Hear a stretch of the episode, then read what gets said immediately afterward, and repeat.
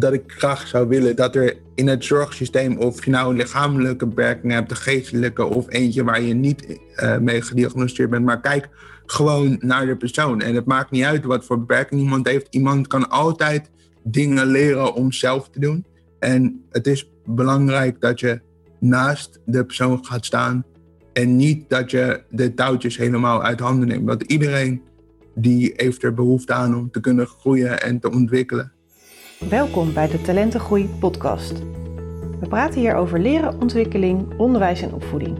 Mijn naam is Karen Dijkstra en in deze podcast ga ik in gesprek met auteurs, coaches en andere experts die anders denken en doen als kinderen leerproblemen hebben op school. En hierbij kijken naar kwaliteiten en talenten in plaats van tekorten. Positief en praktisch. Met deze podcast krijg je inspiratie, nieuwe inzichten en tips, zodat jij een kind vanuit talent kan helpen groeien. Welkom bij weer een nieuwe aflevering van de Talentengroei podcast. En vandaag heb ik een hele bijzondere gast in de podcast. En dat is uh, Jordi. Jordi, van harte welkom. Dankjewel, dankjewel. Superleuk dat jij hier bent en ook heel bijzonder dat jij jouw verhaal wil delen, vind ik. Want uh, wij kenden elkaar niet. Ik uh, zag een post op LinkedIn van jou en daar zei jij uh, hoi, ik ben Jordi, ik ben uh, nou, 27 of 28 jaar. Uh, hè, um, en ik zoek werk. En nou, als je dat leest, denk je, ja, dat gebeurt wel vaker op LinkedIn. Maar vervolgens um, heb je iets meer over jezelf verteld. En ja. um, wat mij daar, ja, het, het, wat me daarin opviel en wat me raakte, is dat jij hè, vooral beschreef uh, wat je zocht en waar je goed in was.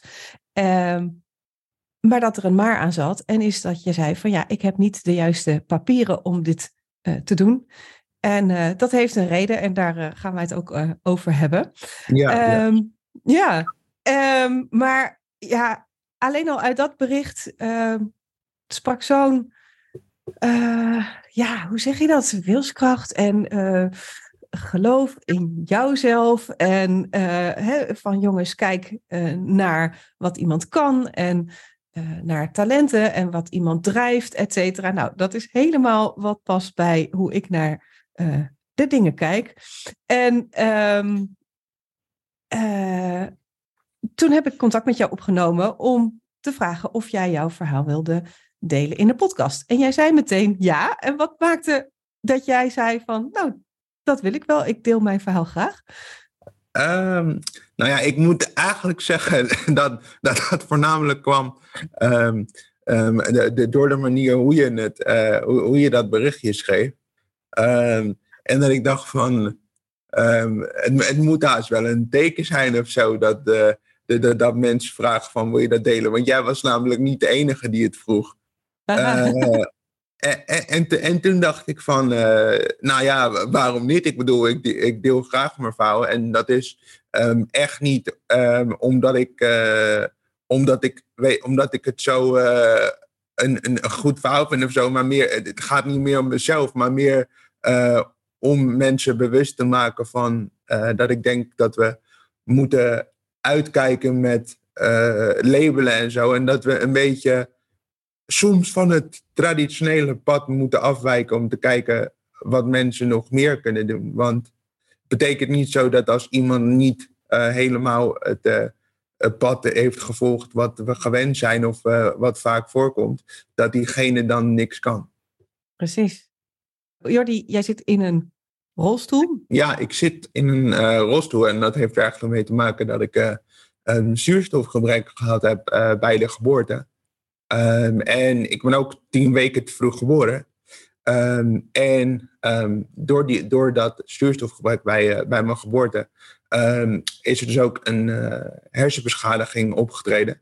En ja, dat zorgt er dus eigenlijk voor dat ik niet kan lopen. En dat ik de beperking uh, cerebrale parese heb opgelopen. ja, en ja, dat ik dus in een rolstoel terecht ben gekomen. Ja.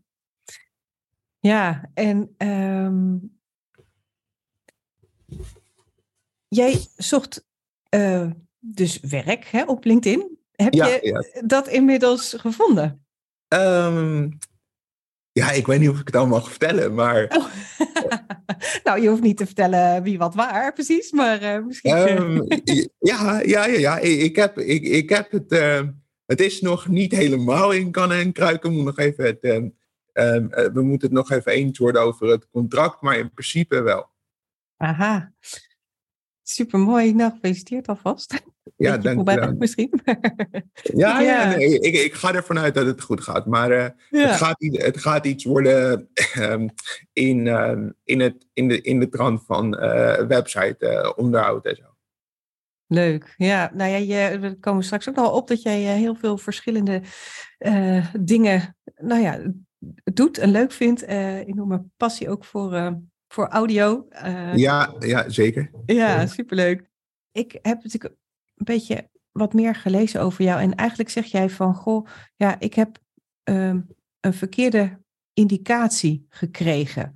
Hè, want, ja. nou ja, hè, wat jij vertelt is, is ja, duidelijk hè, dat, dat er een lichamelijke beperking is. Maar um, jij hebt ook een indicatie gekregen voor een verstandelijke beperking. Ja, ja. ja, dat klopt.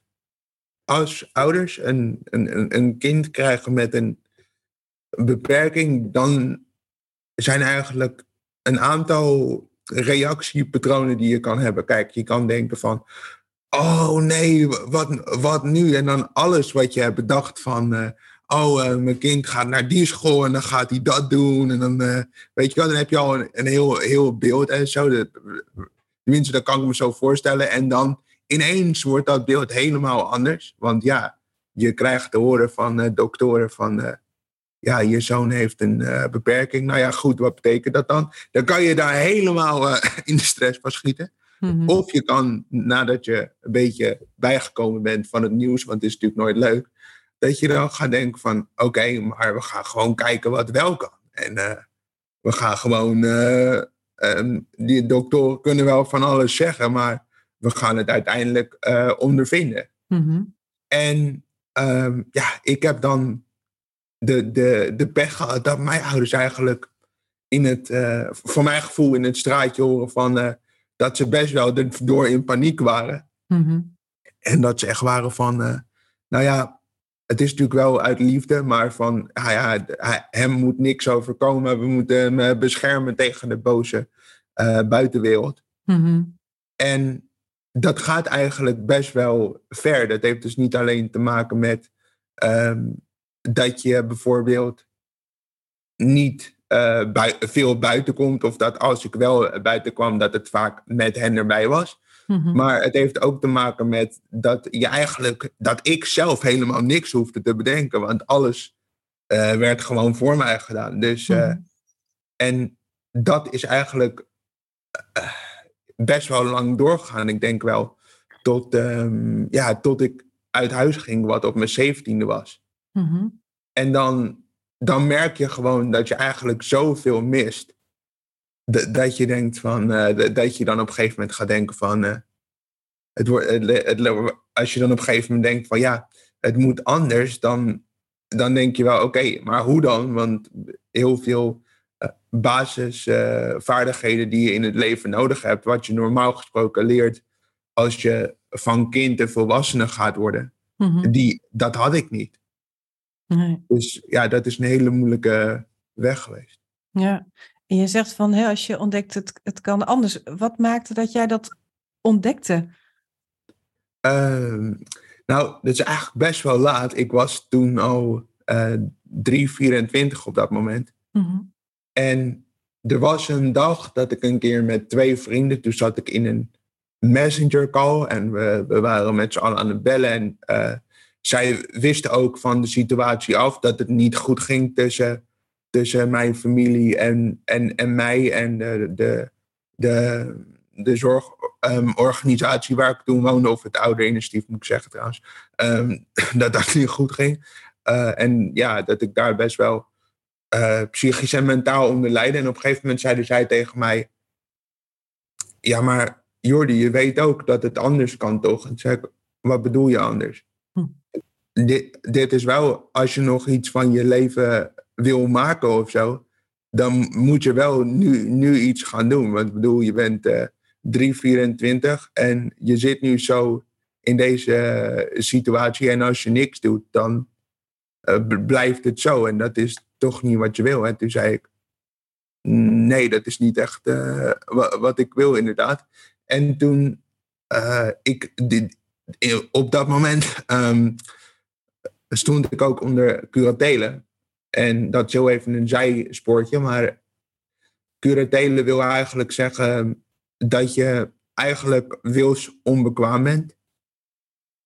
En dat betekent dat je dus um, en over financiële zaken in principe niks te zeggen hebt. En ook niet over de zorg of, of, uh, of andere dingen die je ontvangt of met wie je omgaat. Uh, dat wordt dan allemaal, um, in principe wordt dat gemonitord. Nou, nou waren mijn ouders wat dat betreft um, niet super streng of zo, maar ik merkte wel van dat zij het spannend vonden als ik dingen wilde ondernemen of dingen wilde proberen. Dus toen dacht ik, nou, dat gaat gewoon niet lukken, want ik merkte gewoon dat zij niet uh, twee petten op konden hebben van en dat ze mijn ouders waren en dat ze ook nog uh, de, de, taak hadden van uh, curatoren zijn. Mm. En toen zeiden zij van, maar er is ook zoiets als uh, bewindvoering. En volgens mij kan je wel gewoon. En bewindvoering wil eigenlijk zeggen dat iemand uh, meekijkt met financiën. of dat iemand ze compleet beheert. Hangt een beetje vanaf om wat voor persoon het gaat en uh, waar, waar die persoon last van heeft. Mm-hmm. Um, en toen dacht ik, ja, dat is misschien, dat is misschien wel, een, wel een goed idee. Eh, en toen, uh, toen dacht ik, nou, misschien kan ik daar met mijn ouders over praten als ik weer een keer bij ze ben. En, nou, dat, heb ik ze verteld wat ik, wat ik ook nu vertel. Van, uh, en heb ik ook het, het, het opgezocht wat, wat precies de betekenis is van bewindvoering en curatelen en dat soort dingen. En toen zei, toen zei de ouders meteen van, ja, nee, maar ja, we doen het eigenlijk gewoon om je te beschermen. En als mensen dan... Um, ja, hoe zeg ik dat? Als mensen een loopje met jou willen nemen of jouw dingen aansmeren die je helemaal niet moet aangaan, dan kunnen we dat nog ongedaan maken. Mm-hmm. En toen zei ik: Oké, maar daarmee zeg je dus eigenlijk dat je denkt dat ik niet doorheb wanneer iemand uh, een loopje met mij neemt en dat ik dat zelf niet kan inschatten. Ja, nee, dat moet je dan niet zo zwart-wit zien, maar Um, nou ja, en dat ging dus de hele tijd heen en weer zo. Mm-hmm. En toen dacht ik op een gegeven moment van, en toen zei ik van ja, maar um, ik wil het gewoon niet meer zo, want ik kan, ik kan niet eens alleen naar buiten. Ik mag niet uh, alleen van jullie uh, naar Hilversum toe rijden, naar, de, naar een vriendin van mij. Ik mag, ik mag helemaal niks, terwijl ik kan het gewoon. Mm-hmm. Alleen omdat jullie uh, bang zijn dat ik misschien word omgeduwd. Of dat uh, mensen mijn portemonnee of mijn telefoon afnemen. Of dat het regent en dat mijn stoel stilstaat. Ja, da daarom mag het dan niet. En dan denk ik, ja, je kan wel alles willen beheersen. Maar dan, ja, soms moet je ook gewoon een risico nemen in het leven. Mm -hmm. nou, nou, daar was, um, daar waren, was mijn vader en moeder waren het daar niet mee eens. En mijn vader die is toen echt heel, uh, heel boos geworden. En uh, ja, die zei eigenlijk van, uh, ja weet je, zoek het dan maar uit. En toen zei ik, nou oké, okay, prima. Dan, dat ben je gaan doen. En, en, en dat, dat ben ik eigenlijk gaan doen. Um, en ik ga niet alles helemaal, maar zijn, gaandeweg zijn er stichtingen, instanties en mensen geweest die mij langzaam hebben geholpen om uit die situatie te komen. Ja, maar wel omdat jij voor jezelf ging staan. Ja. Van, voel, tenminste, ik kan me zo voorstellen, ik voel in mezelf dat ik meer kan hè, dan, nou ja, wat ik nu, nou ja, zelfs mag doen. Ja. Wat je net zo vertelde. En uh, uh, gesteund door vrienden die ook zeggen van, hé, hey, maar het kan ook anders. En ja, uh, ja, ja, en wel heel fijn dat er mensen op je pad zijn gekomen die, uh, nou ja, die je daarbij hebben kunnen helpen. Want uh, nou, dat is heel veel geweest. Hè? Want uh, kun je nog wat vertellen over jouw kindertijd? Want je zegt van nee, ik was eigenlijk um, niet veel buiten. Uit goede bedoelingen uit liefde vanuit je ouders. Ik vind het ook heel mooi dat je dat zo kan zien. Hè? Want ondanks dat je nu eigenlijk ziet van ja, het, dat heeft mij beperkt eigenlijk. Hè? Hoe ik uh, ja, uh, dingen daardoor niet heb kunnen leren. Die je volgens mij nu alsnog als een dolle aan het inhalen bent. ja, ja, ja, ja, ja, ja. ja, ja zeker. Dat, dat, dat wel. Um, het, het, is, het is alleen soms een beetje veel en een beetje uh, moeilijk, maar we komen er wel. Ja, ja.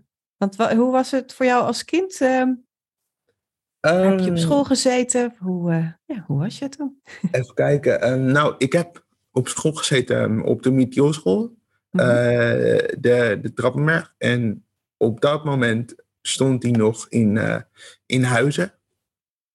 En wat een Mythioschool eigenlijk is, is een school waar je naast schooldingen heb je ook vaak dingen zoals uh, fysiotherapie, uh, logopedie, uh, um, psychologen, al, al, dat soort dingen. Mm Maar dat, dat, dat krijg je ook nog um, tussen je schooluren door. Ja, dat alle zorg en therapieën zijn eigenlijk in het onderwijs daar verweven, zeg maar.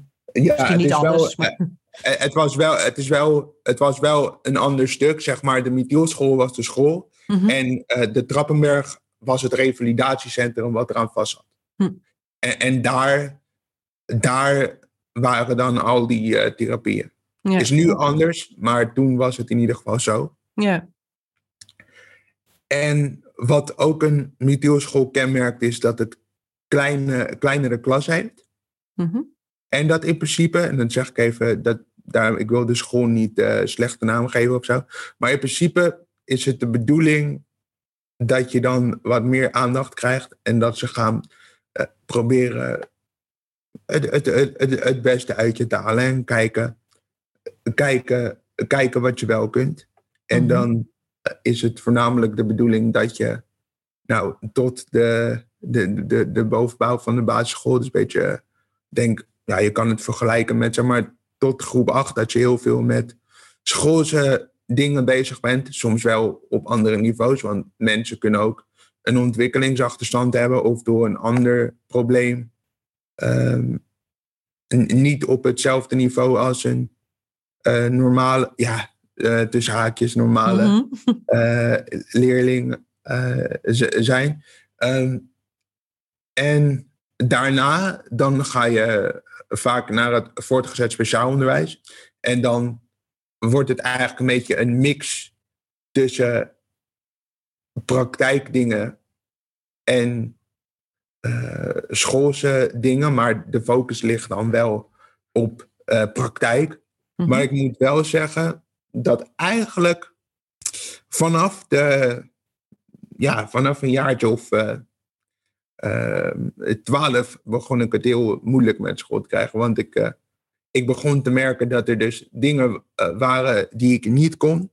Mhm. En ik merkte dat ik um, uh, sociaal heel, dat ik dat heel moeilijk vond. En ook als ik bijvoorbeeld spreekbeurten moest geven of boekbesprekingen of ik moest een presentatie geven.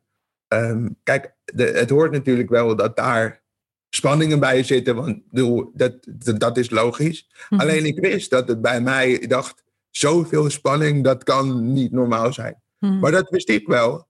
Maar ja, ik had niet echt goed contact met mijn ouders op dat moment. Uh, want mijn vader die, die was ook ziek op dat moment. Mhm. En uh, mijn, uh, ja, voor mijn gevoel zijn mijn ouders niet zo sociaal ook. En die vertelden ook niet veel over hunzelf. En ik bedoel niet dat je als ouder of zo je hele verhaal hoeft uit te storten over je kind. Maar het is wel hmm. fijn als je weet dat je ouders snappen wat, wat je voelt of zo. Of dat ze zeggen van, oh nee, maar dat is normaal, want dat heb ik ook, of weet ik veel. Maar die connectie had ik dus niet. Dus ik zat een beetje in mijn eentje met al die uh, gevoelens. En als ik dan zo'n, als ik dan iets moest presenteren of zo, nou, ik kreeg het zo warm en zo. En die, en die ogen die dan op mij gericht waren, dat vond ik echt vreselijk. En dan dacht ik altijd van, uh, het werd op een gegeven moment een soort van, uh, het, het, was, het kwam er wel voor anderen misschien organisch uit. Hm. Maar ik had het gewoon zo lang een soort van geoefend. Dat, dat het gewoon als een soort robot er, eruit kon komen. Zodat ik niet bezig hoefde te zijn met, met wat ik ging vertellen. Maar dat ik gewoon kon denken: oké, als het zo meteen zo snel mogelijk voorbij is, dan ben ik blij. Dan is het...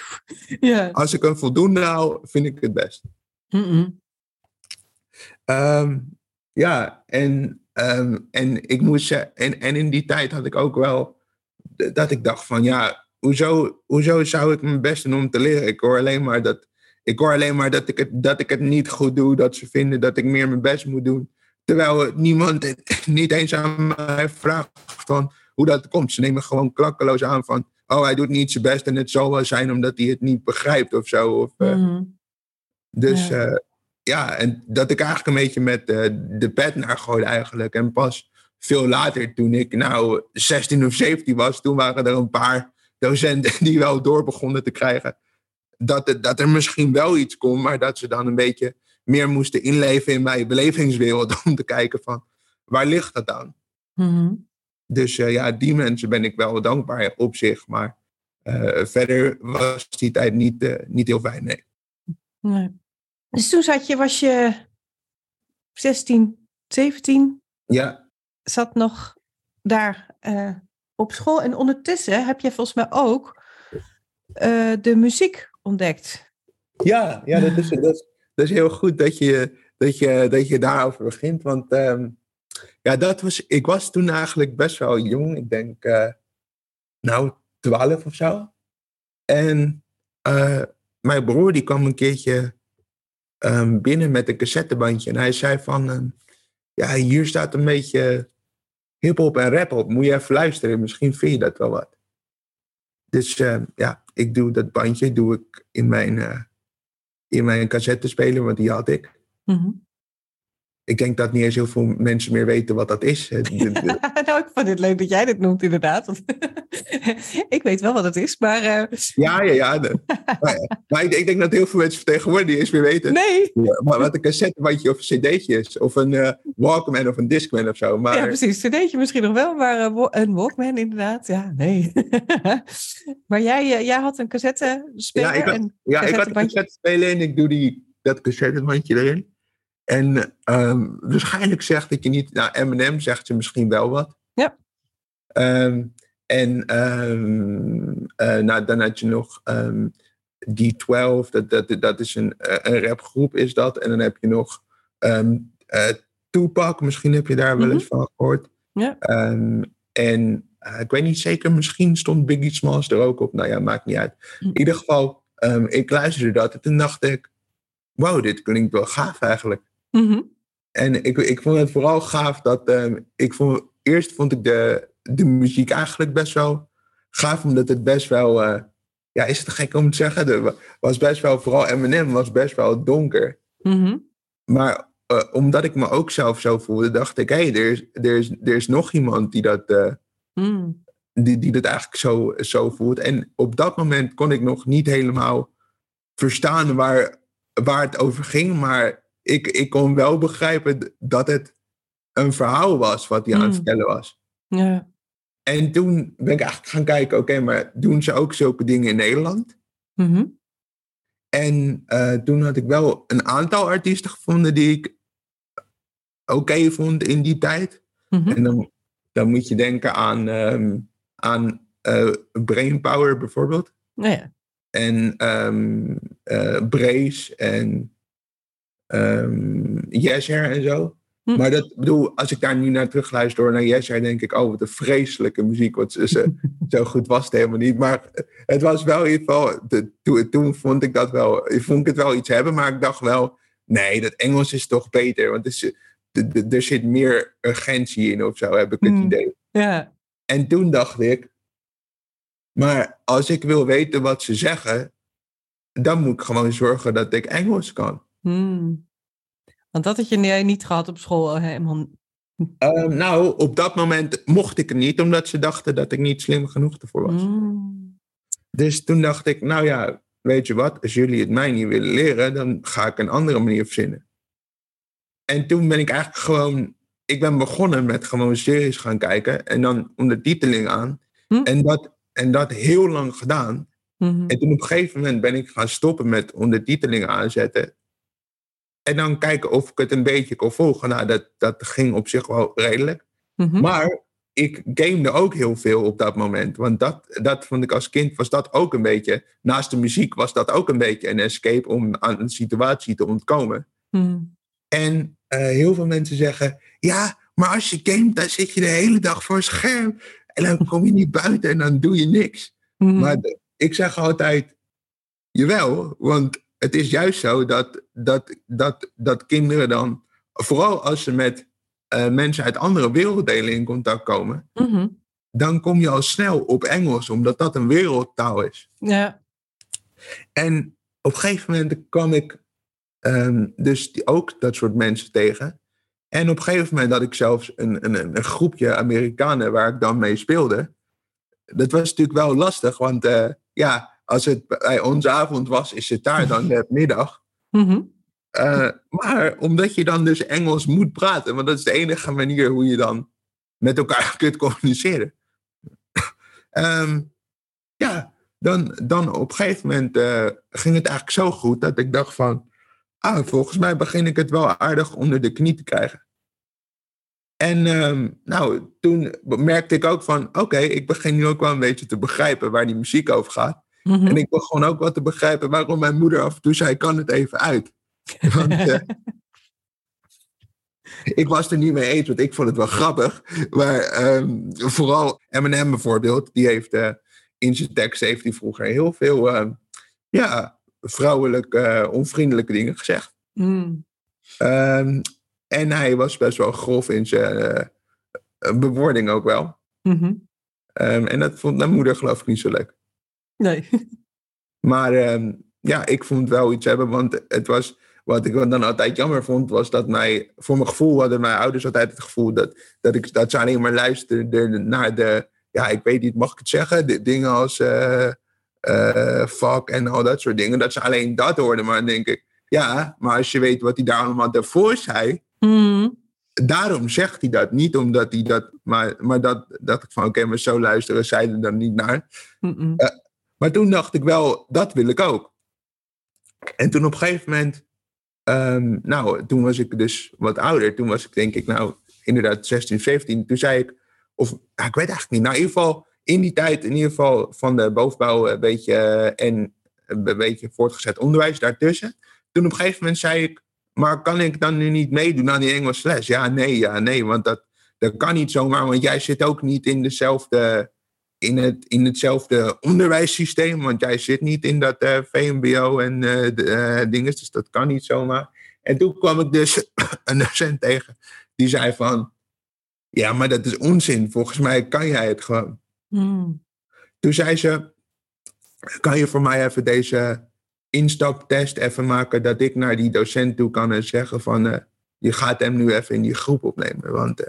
Mhm. toen zei ik ja hoor, prima. Dus ik, ik krijg die, toet, ik krijg die, die, ehm, die soort van instaptoets krijg ik voor mijn neus. Nou, tien minuten later zeg ik hier alsjeblieft. En toen zei ze, ja prima, is een negen. Dus eh, Zo.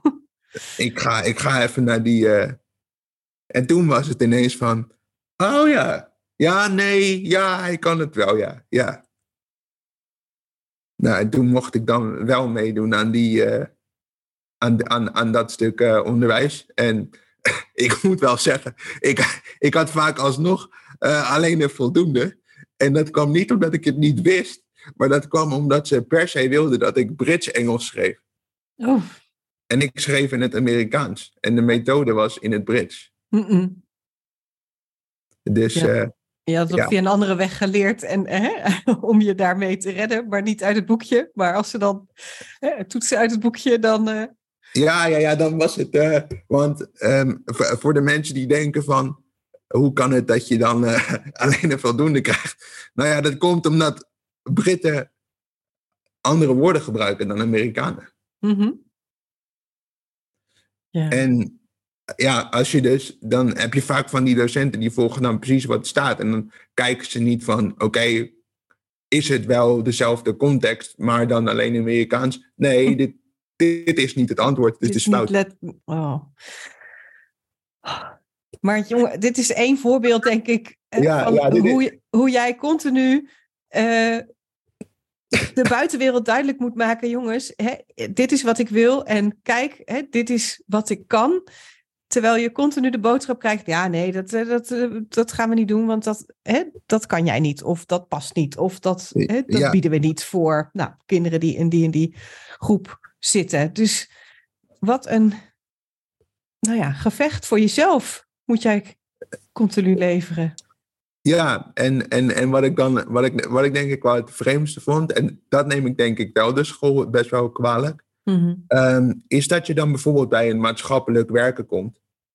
En moet je, je moet je even voorstellen dat je een, een, een, een kind bent van nou 12, 13. Mm je hebt heel veel problemen thuis, is ook vaak best wel een onveilige uh, situatie. Ehm, en je bent gewoon hartstikke depressief eigenlijk, alleen weet je dat zelf niet. En dan kom je daar en dan, en dan zit je dus in zo'n ruimte, die is dan grauw mhm. en is verder niks kleurrijks of zo. En dan komt er zo'n vrouw tegenover je zitten en die zegt niet van, hé hey Jordi, hoe, hoe gaat het? Kan ik wat voor je doen? Of gewoon een gesprek zoals wij die hebben. Nee, ik kom daar binnen en het is, ja Jordi, vertel het maar. En dat ik echt zei, vertel het maar. Mhm. wat, uh, wat, wat, wat, bedoel je? Ja, ja, nee, uh, vertel maar waar je last van hebt. En dan zeg ik, het, zei ik, last van heb? Ik heb helemaal nergens last van. Ik heb er last van dat ik hier moet zitten, maar verder... Uh...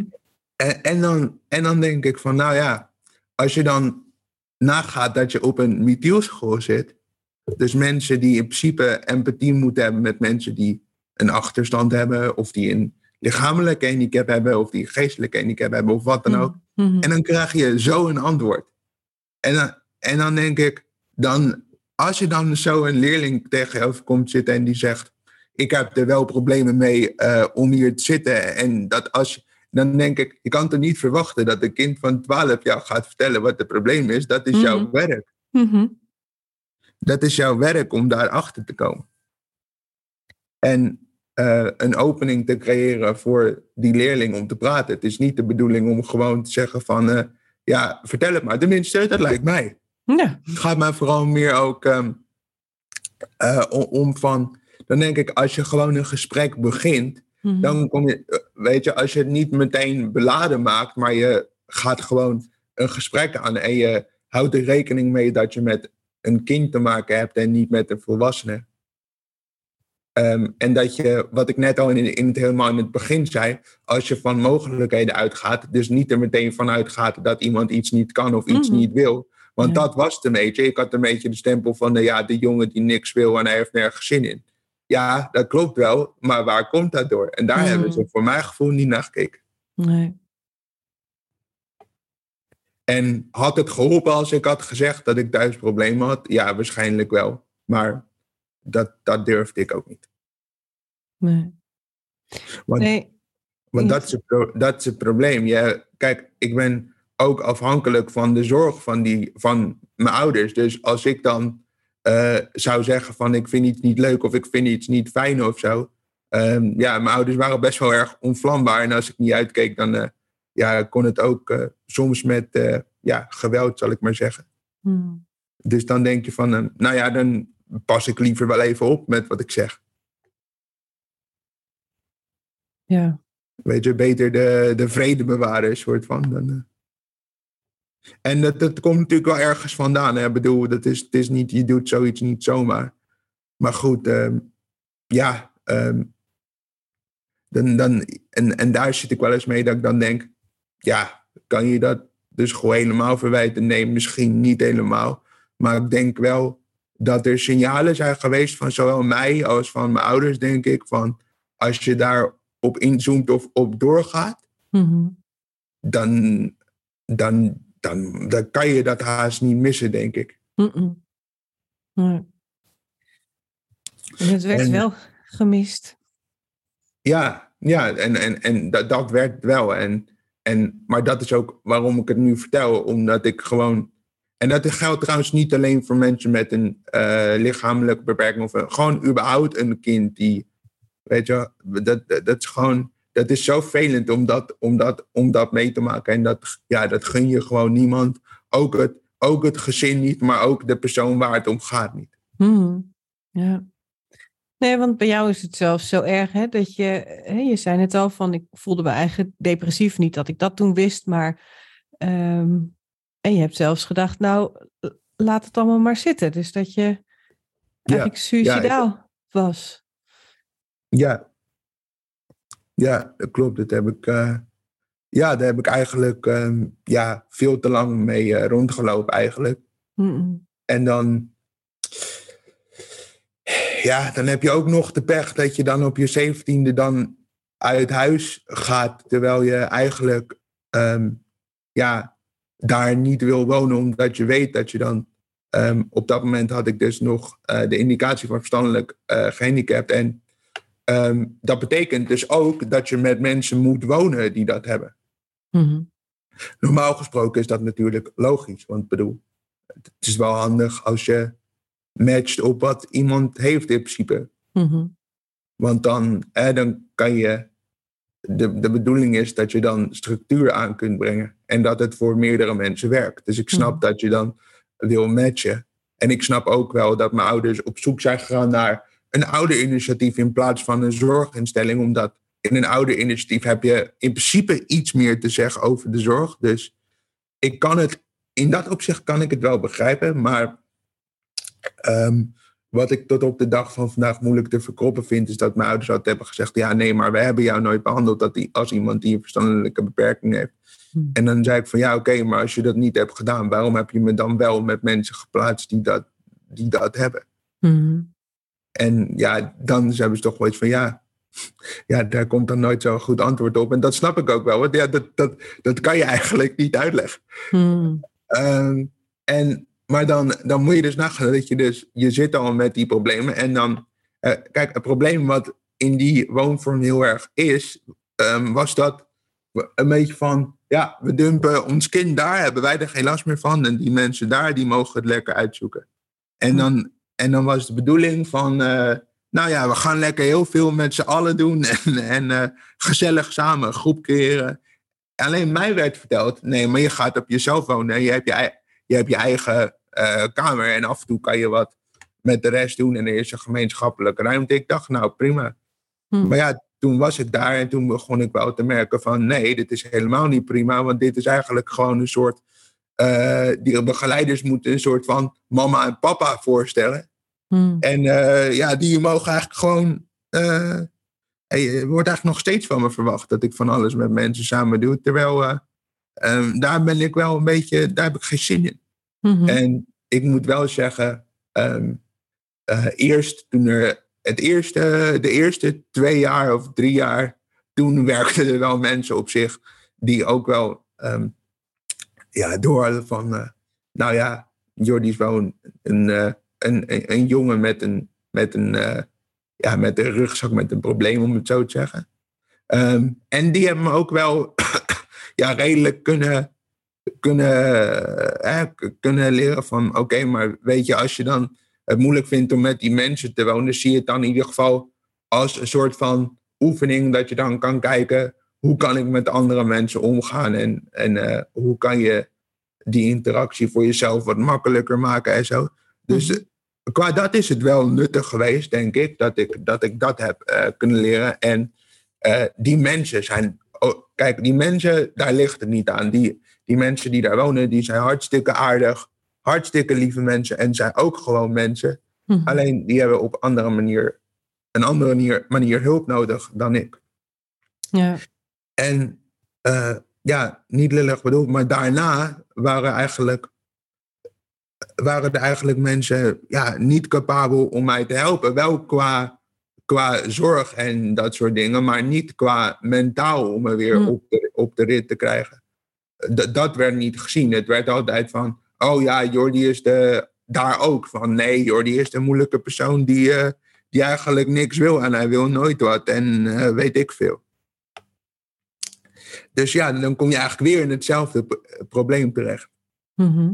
En ehm, nou ja, ehm, toen uiteindelijk uh, wilde ik weg, heb ik aangegeven. En nou ja, niemand uh, wilde me helpen. Dus ja, dat moest ik ook uh, zelf bewerkstelligen. En hoe heb, je, hoe heb je dat gedaan? Hoe ben je daaruit gekomen? Ehm, nou, uiteindelijk wat ik net vertelde, eigenlijk vlak nadat ik die, um, die call had gehad met die, um, met die vrienden en toen ik echt research ben gaan doen van hoe het zit, toen heb ik eigenlijk gewoon tegen mijn ouders gezegd van ja, maar jullie zitten nu gewoon een soort van onzin te verkondigen en gewoon zodat je zelf goed kan slapen, zet je mij een soort van gevangen. En ik ga daar nu mee ophouden. Als, uh, ik ga nu gewoon, ik ga het nu zelf uh, doen. Want uh, dit, dit werkt voor mij zo niet. En toen, um, toen zei mijn vader van, of toen zei mijn moeder die zei van ja, je kan ook een, een stichting vragen die, is, die ondersteunen cliënten onafhankelijk. En dan gaan ze kijken van hoe ze je kunnen helpen en zo. En dan, zij hebben echt heel veel expertise in heel veel um, um, facetten van uh, Zorg Nederland. Dus dan moet je denken aan, ze kunnen um, een gezin helpen met een kind die bijvoorbeeld naar school moet en dat ze niet weten welke school. Ze kunnen helpen met sportverenigingen vinden voor uh, iemand met een beperking, zodat hij kan sporten. Ze kunnen uh, psychologen vinden, ze kunnen uh, juridisch uh, ondersteunen. Ze kunnen, ze kunnen eigenlijk op alle facetten hebben, hebben ze wat. Mm-hmm. Dus ik dacht van, ja, dat is misschien wel een goed idee. En in de eerste instantie zou het gaan, dat, zou het gaan om dat ik een vraag zou stellen aan hen van, ik wil ergens anders wonen. Mijn ouders die zeggen van, het mag wel, maar wij gaan je niet helpen kunnen jullie me helpen? Hm. Maar toen dacht ik, ja, maar als ik toch ga, dan kan ik net zo goed uh, gelijk alles aankaarten. Mm-mm. Had ik mijn ouders niet verteld, maar toen dacht ik, nou ja, dan ga ik dat ook maar meteen doen, want dan ben ik er ook meteen. Nou, dat is een heel lang traject geweest. Dan gaan ze met jou in gesprek, gaan ze jouw verhaal aanhoren. Dan gaan ze in dit geval naar mijn ouders, omdat ze ook dachten, oké, daar ligt het, daar ligt vooral het probleem. Die communicatie die is er niet of die is al uh, een aantal jaar verstoord en daar moeten we naar kijken.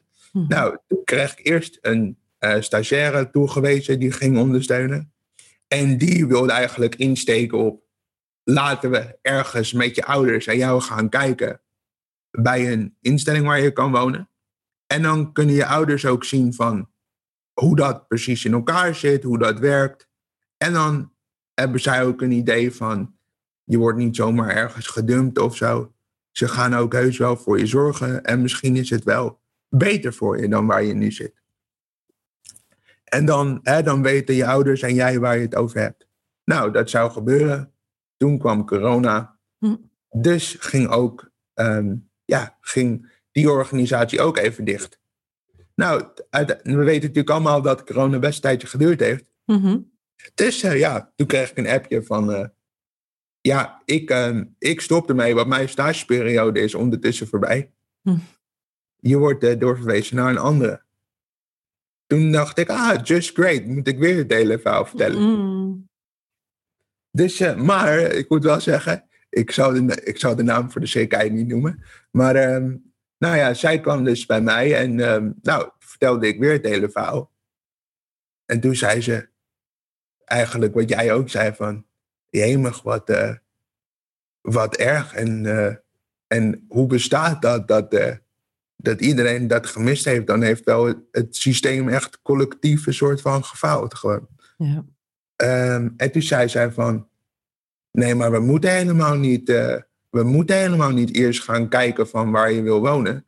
Want als we dat gaan bekijken en jij zegt, ik vind het prima, maar jouw ouders zeggen nee, we willen het niet, dan kunnen we helemaal niks. Mm-hmm. En eigenlijk heb ik helemaal geen zin in dat heen en weer, want het gaat in principe om jou. En je hebt al aangegeven dat je dat wil, dus daar zijn ze van op de hoogte. Dus toen zei ze, ik denk dat we toch beter eerst kunnen kijken of we van het curatelen af kunnen. En toen zei ze van, heb je zelf al gekeken naar andere mogelijkheden? Weet je al een beetje hoe dat zit? En toen zei ik van, ja, dat heb ik allemaal opgezocht. Ik heb ook opgezocht wat het zou gebeuren als ik die andere indicatie krijg. Dat ik dan minder geld krijg en dat, dat weet ik. Maar het is wel een, een eerlijk beeld van uh, hoe ik ben. En toen zei ze van, oh mooi, nou dat scheelt. Dan kunnen we dat hele stuk uh, kunnen we overstaan. En toen, zei, en toen, nou ja, toen is ze dus met mijn ouders gaan praten, want dat moet ze ook doen. Mm -hmm. um, en toen zei ze, ja, um, het is uh, lastig, want ja, je vader is een soort muur waar, waar, waar ik gewoon niet doorheen kom. Want die heeft gewoon één visie en dat is dat. En mm. als het dat niet is, dan is het klaar. En je moeder die vindt het gewoon ontzettend moeilijk uh, om het uit handen te geven. Want dan. maar ik heb ook gezegd dat als ze dat niet doen, dat ze je dan misschien helemaal verliezen. En dat dat ook niet is wat, wat ze willen. Hmm. Nou, en toen uh, is zij, heeft zij een uh, mentor en een uh, bewindvoerder aan hun voorgesteld. En toen belde zij mij op. En dit verbaasde mij echt heel erg. Hmm. toen belde ze me op en toen zei ze: Ja, um, je vader zegt dat, um, dat die bewindvoerder waarschijnlijk niet bij je past. En de mentor die zegt eigenlijk, ja, ik ga het niet doen. Want die, zijn vader kan wel zeggen van, uh, ja, als, uh, als jij het gaat overnemen, bemoei ik me daar niet mee.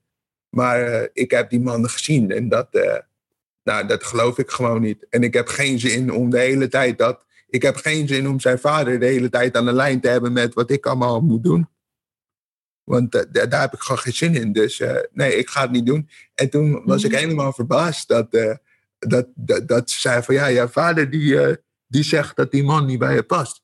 En toen mhm. zei ik van, en zei ik van, hoe kan hij dat nou weten? Hij heeft nog nooit met mij dat, eh, dat hij heeft nog nooit met mij daar een gesprek over gehad. Hij weet helemaal niet eens wat ik, wat ik, wat ik denk of wat ik vind. Dus ik vind het, uh, ik vind het knap. Mhm. En, toen zei, en toen zei ik tegen haar, weet je wat je moet doen? Je moet hun gewoon buitenspel zetten. En toen zei ze van, hè, wat bedoel je? Ik zei, nou, als je eerst naar mij toe komt met kandidaten en ik zeg van ik vind ze prima, mhm. dan kunnen zij niet meer zeggen het past niet of het werkt niet. Want het gaat uiteindelijk om mij. En als ze mhm. dan weigeren, dan kan je dat als feit gebruiken. En toen zei ze van, oh, dat is eigenlijk nog wel een slim idee. Dus, uh, nou ja, toen deden we het dus andersom. En toen kwam er een, uh, een eh, mentor bij mij. Nou ja, leek me best een aardige um, vrouw. En ze zei ook van, nou ja, ik zie nu al wel dat, um, dat je het niet altijd nodig uh, zou hebben. Maar als, als het voor jouw ouders geruststelt van dat er eventjes iemand meekijkt. Of dat ze dan wel overstag willen gaan. Mm. Dan wil ik het best wel doen. En uh, ik vind het niet erg om tegen jouw vader of moeder gewoon te zeggen van... Uh, ja, maar daar heeft u nu niks meer mee te maken. Dus uh. Uh, dat, dat, dat, dat, wat dat betreft heeft hij geen recht van spreken meer. En ik heb toevallig ook een uh, bewindvoerder waar ik veel samen mee doe. Um, dus het liefst zou ik die aan je voorstellen. Hmm. Um, want omdat wij al veel samenwerken, dan zijn de lijntjes kort. Ja.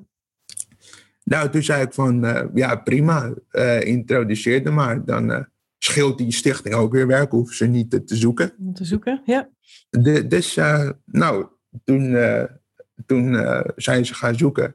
Of nou ja, zij introduceerde die, um, die, uh, die bewindvoerder. En toen heb ik gewoon ja, wat vragen gesteld waar ik mee zat en zo. En of, dat, en of het een beetje paste met wat ik wilde. En um, nou ja, ook een hele aardige vrouw in principe. En die zei ook wel van, nou ja, er zijn zeker groeimogelijkheden als jij laat zien dat je het zelf kan, wat je in principe al doet. Want je doet al met het budget wat over is, dat doe je eigenlijk al zelf. Um, dus um, dan gaan we, dat is te kijken of we dat steeds verder kunnen uitbouwen.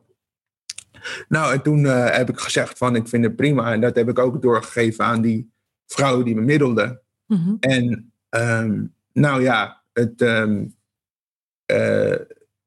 toen was het eigenlijk dat, dat mijn ouders niet overstag wilden gaan. En toen zei ze van, uh, nou ja, ik ga nog één keer met je ouders praten. En als ze niet overstag gaan, dan uh, gaan we met jou uh, naar de rechter. Want dan is het, eh, ja, dan is het een kwestie van vrijheidsberoving. En dan moeten we, dan moeten we een, eh, een rechter overtuigen dat dit beter voor jou is. En Zo. toen heeft die eh, mevrouw is naar mijn ouders toe gegaan, heeft weer met ze gesproken. En eh, heeft ze op de hoogte gesteld van dat als ze niet zouden meewerken, dat ze dan naar de rechter zouden gaan. Mhm. Ehm, daar hadden ze geen zin in. Ehm, dus toen zijn ze overstag gegaan. En eh, nou ja, toen had ik ehm, in principe, ja, is het gek om te zeggen, van, eh, van als, als curator had ik geen last meer van ze wat dat betreft. Ehm, maar ja, de band was al zo verstoord of zo. Dat, dat maakte niet zo heel veel meer uit. Maar ehm, ik heb toen ook, ja, nu nog steeds hoor, maar ik heb eigenlijk heel, veel, heel lang niet meer met ze gesproken. Eh, ik heb ze nu, misschien in de afgelopen paar jaar, heb ik ze twee keer gesproken of zo. Ehm, dus ja, dat, dat, dat contact is nu verder ja, eigenlijk niet of minimaal. Ehm, met mijn broer heb ik het wel een soort van eh, bijgelegd en zo. En ik begrijp hem wel iets beter. Mhm. Ehm, eh, dus dat is fijn. Ehm, maar toen had ik nog het probleem dat ik nog bij me in mijn oude woonvorm, dat ik, eh, daar zat ik nog. Mhm. En ehm, nou ja, toen kwamen er problemen met dat, ehm, dat ze eigenlijk een soort van ma maas in de wet eh, hadden, zeg maar, dat ze dat, dat allemaal met, kon- ik ga je niet te vermoeien met de eh, termen en zo, maar het ging, kwam erop neer, normaal gesproken heb je een twee maanden opzegtermijn. En zij hadden er zes maanden van gemaakt. Mhm. En ik had de optie om waar ik nu woon, had ik naartoe, de optie om naartoe te gaan. Want ze zeiden van, ehm, nou ja, we hebben jou gezien. We, je hebt in principe niet de indicatie die past. Maar we denken wel dat je eh, past in de, in de bij de locatie die wij hebben. En ervan uitgaande dat jouw indicatie straks wordt aangepast, Mhm. ehm, gaan, we het, eh, gaan we het aan. Want en de reden stond- dat ze zeiden van het past niet, dat kwam door, doordat die indicatie van de verstandelijke beperking er nog was, zeg maar. Ja, klopt. Ja. Dus, dus officieel mag dat dan niet. Mhm. Want je kan natuurlijk niet iemand die, verstand, die echt een verstandelijke handicap heeft, Mhm. kun je niet ehm, in een appartement zetten natuurlijk. Ja. Nou ja, toen zeiden ze van, nou ja, oké, prima, ervan uitgaande dat dat eh, goed komt. eh, nemen we jou gewoon aan en sowieso op basis van hoe je nu functioneert, denken wij dat het prima eh, moet kunnen. En ik stond al langer bij hun op de wachtlijst. Maar, oh, dat ben ik trouwens vergeten te vertellen. Maar ik had, ik, ik had, al, ik had al namelijk een tijdje terug had ik een paar keer een intake met haar gehad. En toen zeiden ze van, ja, maar Jordi, als je bij ons wil wonen, dan moet je wel zelf boodschappen kunnen doen, op zijn minst. Mhm. En als er wat is waar je hulp bij nodig hebt, dat je wel een netwerk hebt waar je ook wat aan kan vragen. Mhm. Want wij hebben geen tijd om mee te gaan om boodschappen te doen. Mhm. En toen dacht ik van, oké, maar dan moet ik dus een manier vinden om met mijn angst om te gaan. En dan moet ik daar dus iets mee doen. Want dat vond ik ook heel, alles met sociale situaties vond ik gewoon super eng. Ja, omdat je het gewoon weg niet genoeg hebt meegemaakt en eh, Ja. in je. Ja, ik, ik vergelijk het altijd met ehm, als je een kind hebt bijvoorbeeld, die ga je ook niet zeggen meteen van hier, ga maar die winkel in, succes. Hmm. Dan, ga- dan ga je eerst zeggen van, eh, weet ik veel, ga je mee, ga je zeggen, ga zelf maar kijken wat we nodig hebben. Kijk, het Mhm. staat hier en hier. Nou, Ja. dan ga, en dan ga je nog een keer mee en dan ga je niet zeggen waar het staat. En dan Mhm. ga je nog een keer mee en dan zeg je, ik ga naar het andere schap, ga jij dit maar eh, zelf even doen. Ja. En daarna zeg je bijvoorbeeld, nou, ik ga naar de winkel hiernaast en dan mag jij het doen. En daarna Ja. ga je niet meer mee. Maar zo had ik dat niet. Nee, je moest eh, gewoon bam, meteen eh, eigenlijk. Ja, dus en in al, dat, in al dat gedoe heb ik ook nog met een. Uiteindelijk ben ik bij een normale psycholoog kunnen komen. Dat was ook heel veel. Dat mocht officieel ook niet. Want ja, Mhm. ik had natuurlijk een verstandelijke beperking op papier. En toen ben ik naar de huisarts gegaan, weet je wel. Ehm, want dat was zeg maar toen ik. Toen ik ehm, nou, er zijn wat wissel- wisselingen geweest qua management in dat, die, eh, dat oude initiatief. Mhm. En, ehm, nou, en toen, ehm, ik kon toen met, de met de tweede, het tweede paar leidinggevenden die daar, die daar waren, daar kon ik wel goed mee. Mhm. En die zeiden toen van, ja, maar Jordi, je moet echt naar een psycholoog toe, want anders ga je er echt gewoon aan, uh, aan onderdoor. We kunnen gewoon zien dat, uh, ja, dat, dat, dat de, de, de, de straling en twinkeling in je ogen is gewoon weg. En uh, we kunnen gewoon zien dat het niet goed gaat. Ik bedoel, je eet niet goed, je drinkt niet goed, je slaapt niet goed. Dus er moet wat gebeuren. En toen, um, toen ging ik naar de huisarts en vertelde ik dat. En toen zei ze, ja, officieel moet ik jou doorsturen naar uh, een psycholoog van een zorginstelling ergens. Want ja, je hebt uh, verstandelijke beperking. Dus, uh, en toen zei ze, maar ja, die zijn allemaal vol. En als ik jou zo zie en jou zo dat verhaal hoor vertellen, waarom moet dat dan? Je kan toch gewoon je kan toch gewoon praten. Je kan toch gewoon uh, met iemand een gesprek voeren. Waarom? Uh, ik ga je gewoon dan wel een normale verwijzing geven. Ja, gelukkig. Dus, dus uh, nou, ik heb die verwijzing. Ik heb, heb, een intake eerst met iemand aan de telefoon. Die zegt, ik zeg, maar ik sta nog aan de curatele. Is dat het probleem? Want ze, want ze moesten natuurlijk vragen van, mag ik bij je verzekering mm-hmm. melden van dat wij dan in principe gaan claimen dan. Ik zei, uh, ja, doe maar gewoon. En als, er, als het niet werkt, dan moet je maar weer terugbellen. Dan, uh. Nou, en toen, kwam ik, en toen had, kwam, kwam ik daar. Had ik een intake met die persoon. Hele aardige, hele aardige meid was, was mijn leeftijd. Dat hielp ook trouwens wel, want dan snapte ze wel de belevingswereld waar ik in Mhm. zat. Ja. En ze zei eigenlijk van, ja, als ik het zo hoor, vind ik het niet zo, uh, ja, vind ik het niet zo raar of zo dat je van, van, van die uh, dingen last hebt. Mhm. Zei ik had alleen niet verwacht dat je sociale problemen had, want je praat nu ook gewoon met mij, maar uh, misschien kom ik daar gaandeweg dan nog wel achter. Mhm. Nou, toen zei ze van, nou ja, dan, uh, dan over twee weken kan je dan waarschijnlijk beginnen. Nou, en toen werd ik gebeld en toen zeiden zij, ben, werd ik een, werd ik volgens mij de volgende dag of diezelfde middag, weet ik niet meer, werd ik gebeld. Toen zei ze van, ja Jordi, we kunnen je eigenlijk niet in behandeling nemen, want uh, ja, je staat onder curatele. Oh. En als, als het dan slechter met je gaat, want dat gaat, dat kan ik sowieso garanderen, dat het, het gaat een beetje schommelen natuurlijk, want je gaat een beetje uh, vroeten natuurlijk in dingen en dan, uh, ja, dat, dat kan natuurlijk dat je een stemmingswisselingen krijgt. Maar als het dan niet met je goed gaat, dan zouden in theorie je ouders ons kunnen aanklagen. En dat willen we niet, dus ja, dan kunnen we het niet doen. En toen zei ik, ja, maar wat moet ik dan nu doen dan? Mm-hmm. Ja, dan moet je weer terug naar de huisarts en dan moet je zeggen dat ik je dat gezegd heb. Mm-hmm. Ja, ik zei ja, en dan? Dan ga ik dat zeggen. En dan, dan zegt zij van, uh, ja, die andere psycholoog voor jouw indicatie, die zit er vol. En dan is er niks.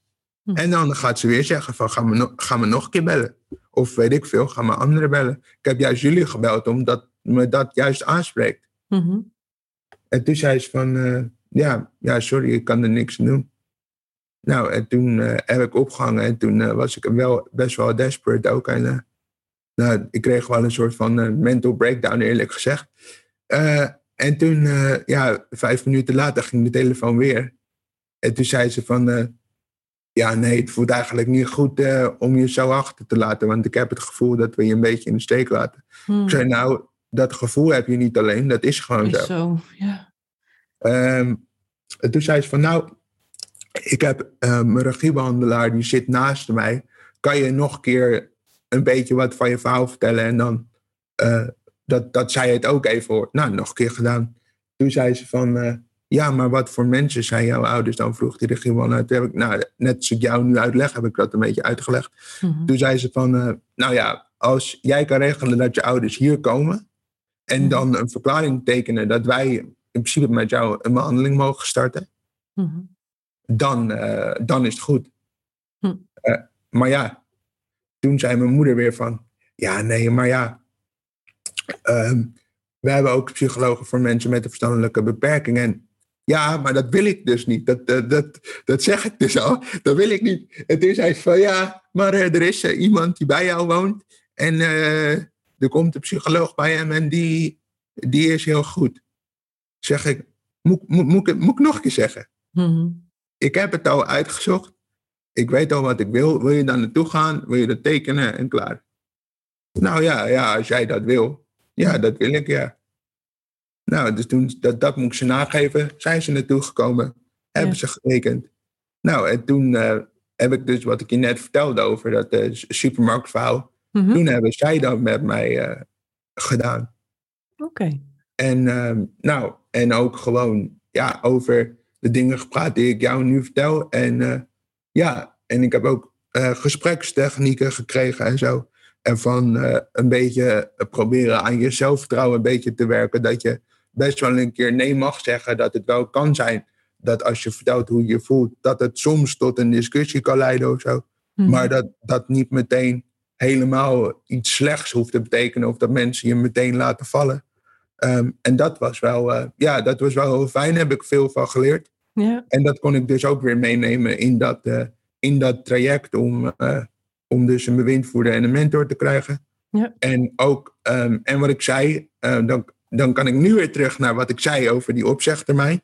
Mm Um, ja, en oh ja, dat, dat, de, ik ging daar toen, op een gegeven moment ging ik daar ja, echt heel lelijk weg. Want ze wilden mij eigenlijk gewoon niet laten gaan. Mm. En ze wilden mij die kans niet uh, gunnen. En toen zeiden ze, ja, als je gaat, dan, um, dan gaan we jou uh, voor de rechter slepen. Maar toen zei, uh, toen zei, toen zei mijn mentor van, ja, maar als hij nu niet gaat, dan is die plek weg. Want jullie kunnen wel leuk roepen, het is zes maanden. Hmm. Maar die plek blijft echt niet langer dan twee maanden leeg staan. Hmm. Want zij hebben gewoon een wachtlijst. En als hij niet gaat, dan zit hij hier vast. Ja. Dus hij gaat mooi wel. Hmm. Ben ik dus uh, alsnog verhuisd. En toen, uh, nou, is er echt letterlijk ook een, uh, een, een deurwaarde aan mijn deur geweest. Met een, met een enorm pakket. -hmm. met allemaal redenen waarom het wel juist was. En een hele allemaal parperassen en zo. En als je dat leest, nou ja, dan, uh, dan, dan breekt echt je klomp. Dan, want dan denk ik van, uh, ja, maar het gaat helemaal niet om het geld. Je moet kijken naar wat beter is voor mij. Precies. En als dat nou beter is voor mij, dan kan je me dat toch wel gunnen. Ik bedoel, dat, dat jullie het organisatorisch niet goed hebben geregeld, dat is niet mijn probleem. Mm -hmm. uh, nou, uiteindelijk ja, heeft de verzekering van mijn bewindvoerder besloten om te betalen. Want uh, ze wisten niet zeker of ze het konden winnen. Hm. Is, uh, is echt heel veel geld. Ik vind het echt nog steeds. Ik vind het echt, uh, ik vind echt schandalig, maar goed. Um, en ik vind het zeker heel vervelend, want ondanks dat de grootste tijd dat ik daar niet leuk vond, vind ik het wel heel vond ik het echt vervelend om op die manier weg te gaan. Ja. Want ik had gewild dat het gewoon een stap verder was.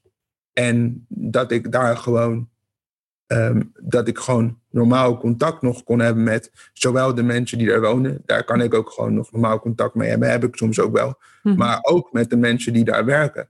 En Ja. dat is gewoon helemaal kapot gegaan in die tijd. En dat vind ik echt, uh, ja, vind vind ik echt heel erg.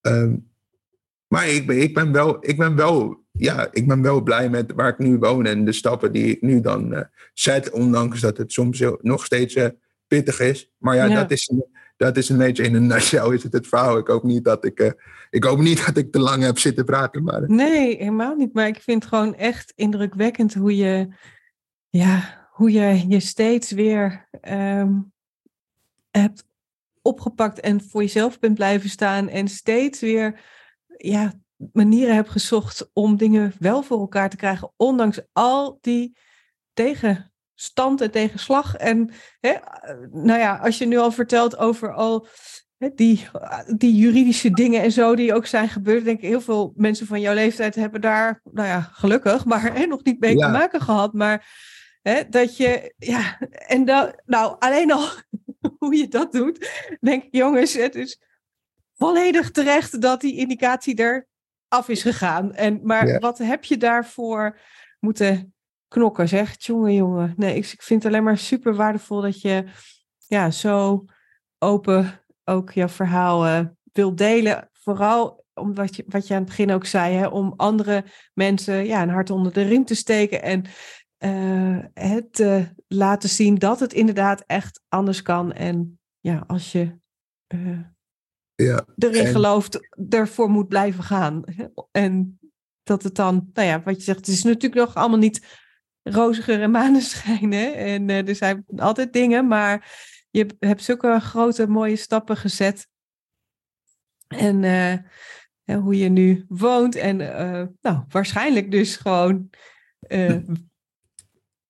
een werk hebt. Hè? Ja, ja, ja. ja.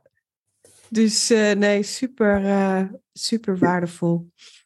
Ja, en ik bedoel, um, en ook een beetje, het is ook wel leuk, gewoon een beetje freelance in audio ook nog. Dat kan, uh, dat was ook wel een, een, een zoektocht hoe dat komt. Want dat is, um, ik weet niet of je er wel eens van gehoord hebt, het UWV, maar mm -hmm. um, dat is ook hoe dat in Nederland geregeld is, ik zou je er niet mee vermoeien, maar het is echt. Het, het wordt niet uh, gestimuleerd om te werken. Je, om moet, te allemaal, werken. Je moet allemaal dingen zelf uh, uitzoeken. En als je belt, kan je me helpen. Nee, kunnen we niet. Alleen als je precies in een bepaald hoekje valt, dan helpen ze anders mm. niet. Jongen, ja, dus, dus dat dus, heb je ook uh, nog voor elkaar gekregen. uh. Ja, ja moet, ik wel, moet ik wel toegeven, dat, dat, dat heeft mijn bewindvoerder goed gedaan. Die is, uh, toen ik echt op een gegeven moment um, vragen kreeg om voor mensen dingen te doen. En um, snap ik ook hoor. Op een gegeven moment zeiden mensen van... Ja, maar Jordi, we, we willen het eigenlijk helemaal niet zwart. We snappen wel nu waarom het voor jou moet.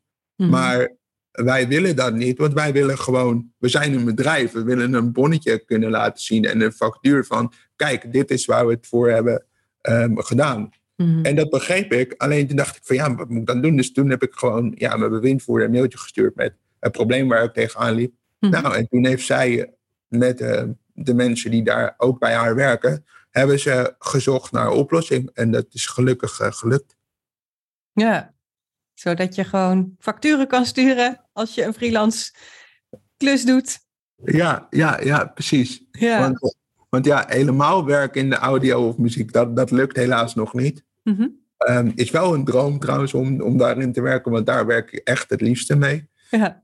Um, en ja, het liefst zou ik natuurlijk, als ik heel eerlijk ben, um, ja, geld, gewoon geld kunnen verdienen met mijn eigen muziek genoeg om van te leven. Mm-hmm. dat is zeker wel een droom, maar ja, als dat niet zo is, moet je ergens anders beginnen. Ja. En dat is dit nu wat ik ga doen. Ja, superleuk. En dan tussendoor uh, een beetje freelance is ook leuk. Dan Ja. heb je een beetje afwisseling. Ja. Ja, dus je bent nu uh, daar ook veel mee bezig. Ja, ja, Ja. klopt. Ja, dat, dat, dat is, uh, ja, dit is, dit is wel. Uh, ja, het saaiste werk is de administratie natuurlijk. Maar uh, ja, dat vind ik ook. er zijn ook weer mensen die dat heel leuk vinden. Dat vind ik altijd zo grappig. He, dat denk ik, ja, ik vind het helemaal niks. Ik, maar ik vind het echt. Uh, maar ja. heb, je, heb, je, heb je dat ook? mensen mensen die, die, die voor jou de administratie doen, of doe je het zelf? Nee, ik doe het zelf. Maar uh, dat is inderdaad niet mijn uh, leukste ding. Maar het, nou, het liefst uh, zou ik het wel ergens anders um, willen laten doen. Maar nee, dus, en die mensen zijn er, dus maar ik moet gewoon eventjes op zoek. Dat, maar bij deze. ja, ja, ja. Nee, maar dat, is, dat, was gewoon omdat je er zo over praatte, dacht ik, was ik wel benieuwd van... Oh ja, nee, maar er zijn, er zijn gewoon mensen, dat, ik zie het wel eens langskomen, maar goed, dat, dat, daar blijft het dan ook even bij. Dus ik moet er gewoon ook actie opzetten. En, uh, en aan de andere kant denk ik, ja, weet je, ach, overal is, er zijn wel dingen die niet zo leuk zijn, dus dan is het dit voor mij. Nou ja, ik bedoel, het is ook niet zo erg, maar, uh, maar ja, het is niet mijn, uh, hoe zeg je dat, sterkste kant en iets waar ik, waarvan denk, oh yes, dat staat vandaag op mijn lijstje. Ik vind het leuker om met mensen zoals jij in gesprek te gaan podcast opnemen. Uh, ja. Mensen helpen, verder helpen. Dus uh, dat, uh, dat doe ik liever dan inderdaad die administratieve dingen bijhouden. Maar er zijn dus andere mensen die denken: oh yes, ik mag weer al die cijfers op een rijtje zetten. Dus dat ja, ja, ja, ja, ja, dat, ja, dat, dat verbaast mij ook altijd. Ja, dat, dat mensen dat leuk vinden. Maar... Ja, dat is toch gek? Of niet gek, te gek. Dat, dat, ja, zo, ja, zo hebben we elkaar allemaal nodig. Het is maar goed dat niet iedereen alles uh, of hè, dezelfde dingen leuk vindt, zeg maar. Want dan, uh, ja, oh ja. Moest, je, moest je nagaan als niemand het leuk vond om administratie te doen. Ja, ja dan, uh, nou ja. dan ziet het er ook weer heel anders, anders uit. Ja. Ja, Jordi, is er nog iets wat jij ehm, wil meegeven aan de luisteraar? Ehm, Waar wat nog niet langs is gekomen? Of dat je zegt, Nou, wat ik, wat ik wel denk, wat ik, wat ik eigenlijk wil ehm, ehm, zeggen, ik heb het al kort gezegd, maar waar ik eigenlijk mee wil afsluiten, ehm, is dat ik graag zou willen dat, dat er in het zorgsysteem, of je nou wel een, of je nou een lichamelijke beperking hebt, een geestelijke of eentje waar je niet eh, mee gediagnosticeerd bent, maar kijk gewoon naar de, naar de persoon. En het maakt niet uit wat voor beperking iemand heeft. Iemand kan altijd dingen leren om zelf te doen. En het is belangrijk dat je naast de persoon gaat staan. En niet dat je de touwtjes helemaal uit handen neemt. Want iedereen die heeft er behoefte aan om te kunnen groeien en te ontwikkelen. En eh, ik denk gewoon dat het ook handig is ehm, op het financiële stuk ook. Of eh, als je mensen moet ondersteunen met de zorg die ze krijgen of financiële dingen. Dat, dat het niet familieleden zijn eh, of eh, verwanten van familie of zo.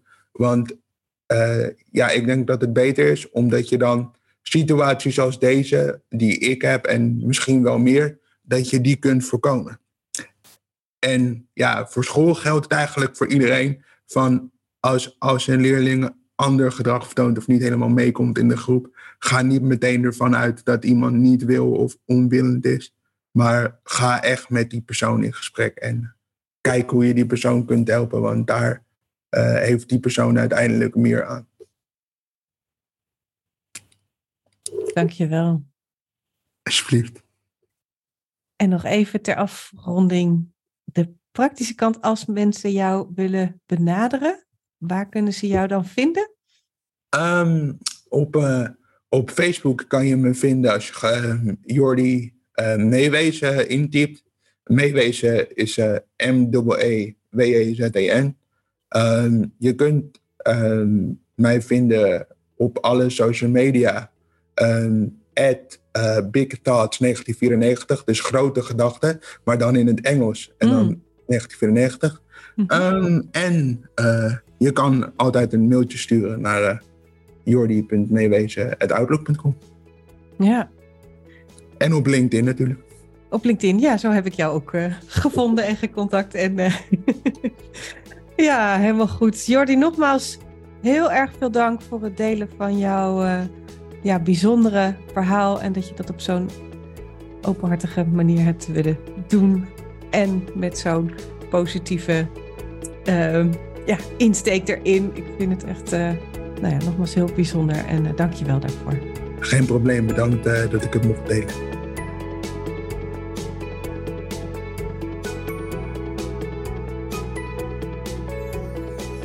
Dankjewel voor het luisteren naar deze aflevering. Wil je op de hoogte blijven van nieuwe afleveringen? Abonneer je dan door in je podcast-app te klikken op de button abonneer of subscribe. Vind je deze aflevering interessant en ken je iemand die baat zou hebben bij deze podcast? Dan zou ik het super vinden als je de podcastaflevering deelt of doorstuurt. Bijvoorbeeld door een screenshot te maken of de link te delen vanuit iTunes of Spotify. Klik op de drie puntjes en vervolgens op delen. Zo help jij andere ouders of collega's in het onderwijs en daarmee nog meer kinderen bij wie leren niet vanzelf gaat. Dankjewel als je dat wil doen. Het is mijn intentie om waardevolle inzichten te delen en hiermee zoveel mogelijk ouders en leerkrachten te bereiken. En hen handvatten te geven zodat zij kinderen kunnen helpen hun talenten te leren kennen en in te zetten. Zodat ieder kind weer met plezier en vol zelfvertrouwen naar school gaat. En zij als kind en als volwassene kunnen leren en leven vanuit talenten. Ondersteun je mijn missie? Geef mijn podcast dan bij reviews bijvoorbeeld 5 sterren en als je wil ook een geschreven review. Dit kan heel makkelijk in jouw podcast-app. Loopt jouw kind of leerling vast op school en heb je het gevoel dat het anders kan? Lees dan mijn boek In 10 stappen leren vanuit talent. Ik zou het leuk vinden als je het bestelt via mijn website, maar het is ook te koop via alle boekhandels of te leen in de bibliotheek. Ik vind het altijd leuk om berichtjes te ontvangen van jou als luisteraar om te horen wat je van een aflevering vindt of als het je een bepaald inzicht heeft gegeven. Stuur me dan even een mailtje via karen.talentengroei.com of een persoonlijk bericht via LinkedIn of Instagram. Zoek op Karen Dijkstra, Karen is met een E, en Talent en Groei, dan kan het niet missen. Dit kan uiteraard ook als je een vraag of suggestie hebt. De audiobewerking van deze podcast is verzorgd door Jeroen Sturing. Ik kijk alweer uit naar een volgende podcast. Graag tot dan.